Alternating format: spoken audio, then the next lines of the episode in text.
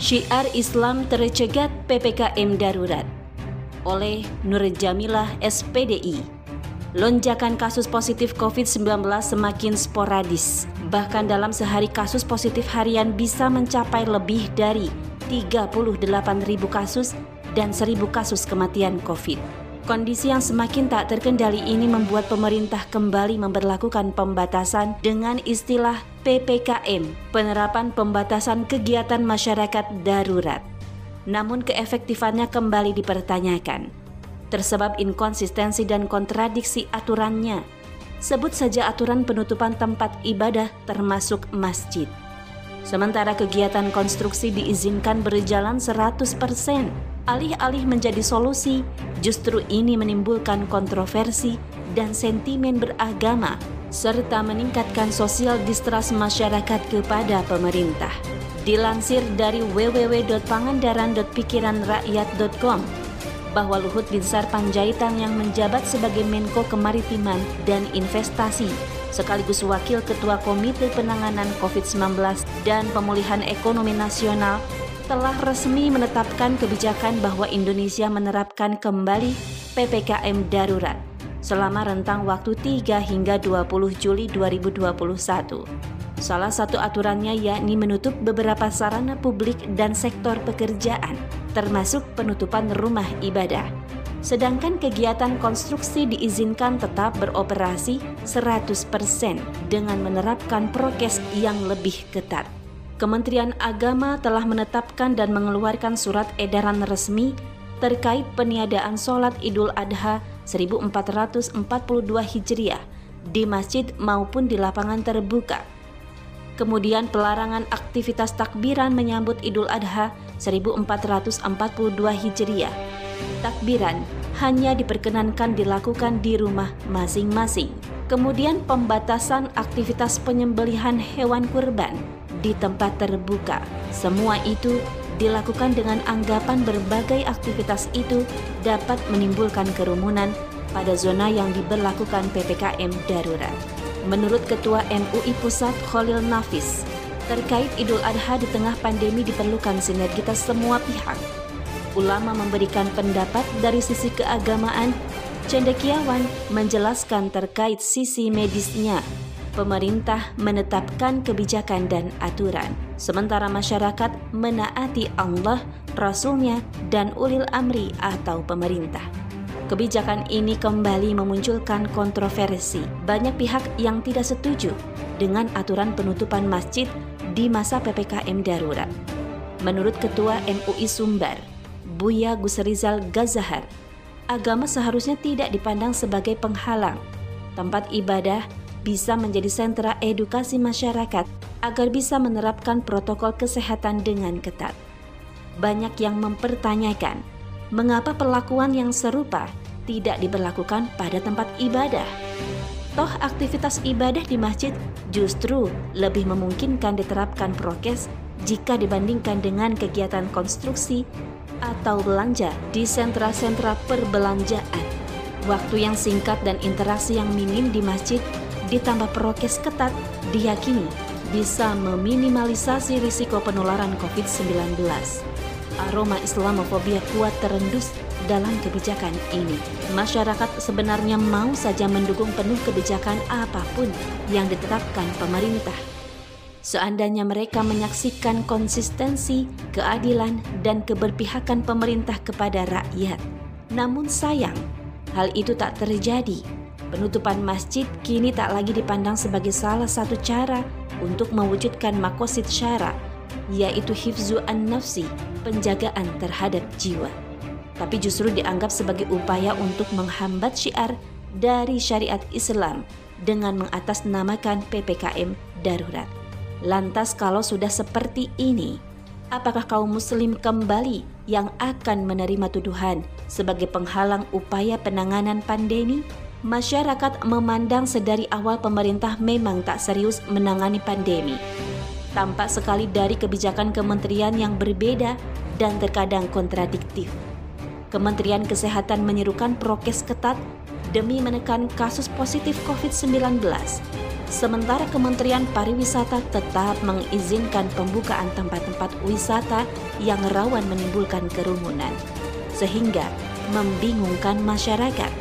Akhirnya banyak yang tidak percaya COVID-19 dan tidak patuh prokes.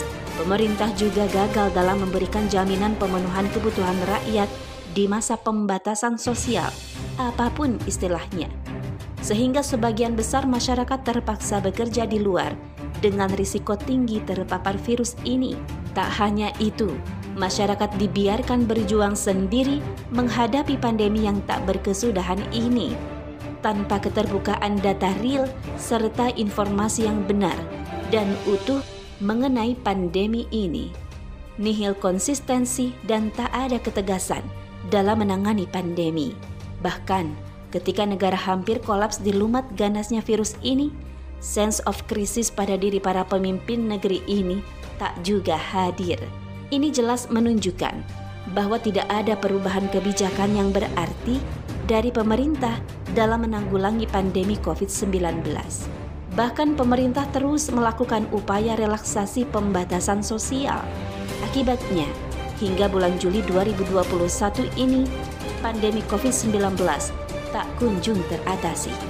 Ironisnya, dengan vulgar masyarakat menyaksikan dari berbagai kanal media bahwa ternyata pemerintah membiarkan warga negara asing keluar masuk Indonesia sementara warga negara sendiri dikurung tanpa diberi makan.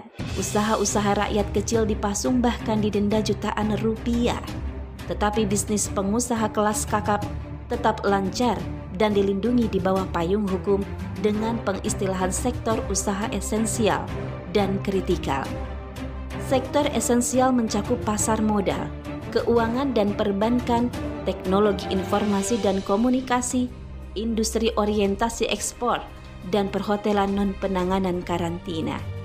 Sedangkan sektor kritikal mencakup kesehatan, transportasi, logistik dan distribusi, energi, keamanan dan ketertiban masyarakat, makanan dan minuman dan penunjangnya, semen dan bahan bangunan, konstruksi, proyek strategis nasional, objek vital nasional, dan utilitas dasar.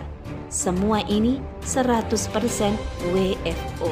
Sebagian besar usaha yang dikategorikan ke dalam sektor esensial dan kritikal dimainkan oleh pemilik modal besar, sementara yang menyentuh rakyat kecil hanya sekadarnya saja.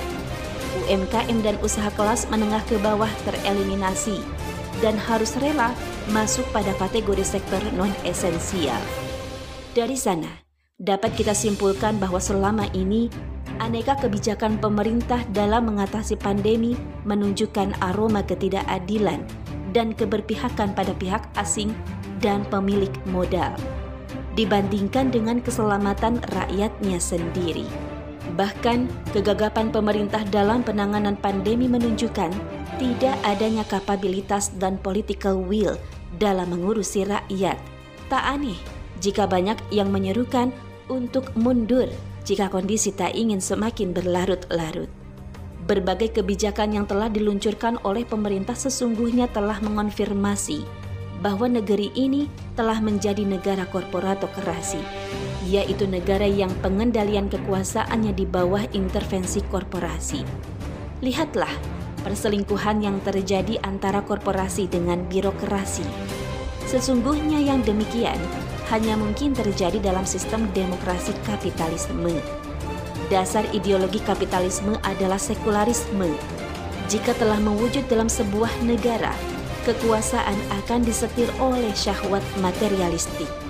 Demokrasi akan mengantarkan para elit politik yang mendapat support pemodal kuat untuk duduk manis dalam singgasana kekuasaan. Sehingga kita saksikan selama ini apa pun masalahnya, termasuk pandemi, maka kepentingan pemodal kuatlah yang kerap kali menjadi acuan dalam berbagai kebijakan yang diambil pemerintah. Islam diturunkan ke muka bumi ini sebagai mu'alizat lil masyakil al-insan, solusi problematika manusia, juga sebagai rahmatan lil alamin, rahmat bagi seluruh alam. Syariat Islam dinobatkan sebagai satu-satunya aturan yang sahih di seantero dunia sepanjang masa oleh Sang Halik sebab sumber ajarannya murni berasal dari wahyu Allah Subhanahu wa taala dan aturannya begitu sempurna dan menyeluruh. Allah telah mengutus rasulnya untuk mendakwahkan risalahnya ke seluruh penjuru dunia agar menjadi pedoman dan rujukan aturan kehidupan. Salah satu kewajiban kaum mukmin adalah menyolusikan berbagai urusan dengan merujuk kepada Allah Subhanahu wa taala dan rasulnya. Berubah aturan kehidupan yang termaktub dalam nasyara yakni Al-Qur'an dan As-Sunnah, termasuk solusi untuk menangani pandemi. Islam menangani pandemi dengan menerapkan lockdown serta menjamin pemenuhan kebutuhan masyarakat yang berada di wilayah itu secara manusiawi sambil mengerahkan dan memfasilitasi para pakar dan ilmuwan untuk menemukan obat dan vaksin yang manjur untuk penyakit yang menjadi sumber wabah. Dengan begitu, pandemi bisa diatasi dalam waktu singkat tanpa menelan banyak korban. Adapun dalil mengenai perintah untuk menaati ulil amri tidak bisa dimaknai sesuka hati tanpa mengaitkan dengan perintah lain. Pertama, kaum mukmin diperintahkan untuk menaati Allah, Rasulnya, dan ulil amri atau pemerintah yang juga secara nyata menaati Allah dan Rasulnya. Namun jika ulil amri justru menyuruh untuk berbuat maksiat, maka rakyat tak lagi wajib taat pada mereka. Karena tiada ketaatan kepada makhluk dalam hal ikhwal kemaksiatan kepada Allah Subhanahu wa taala. Kedua, kaum mukmin juga diperintahkan untuk mengembalikan semua urusan termasuk juga perselisihan kepada nasyara. Ketiga, Perintah tersebut merupakan konsekuensi keimanan yang tak bisa ditawar lagi. Keempat, ayat tersebut secara tegas menerangkan keunggulan hukum Allah Subhanahu wa taala dan rasulnya dibandingkan dengan hukum gubahan manusia. Demikianlah ayat ini seyogianya tak lagi dijadikan legitimasi oleh pemerintah untuk menuntut masyarakat agar menaati mereka. Seharusnya ini menjadi bahan introspeksi. Sudahkah sejalan dengan aturan Allah Subhanahu wa taala dan mengayomi masyarakat? Jika belum, maka tidak ada kata terlambat untuk berbenah diri. Mari kembali pada fitrah kita, yakni syariat Islam. Tetapkan seluruh hukum Islam secara totalitas.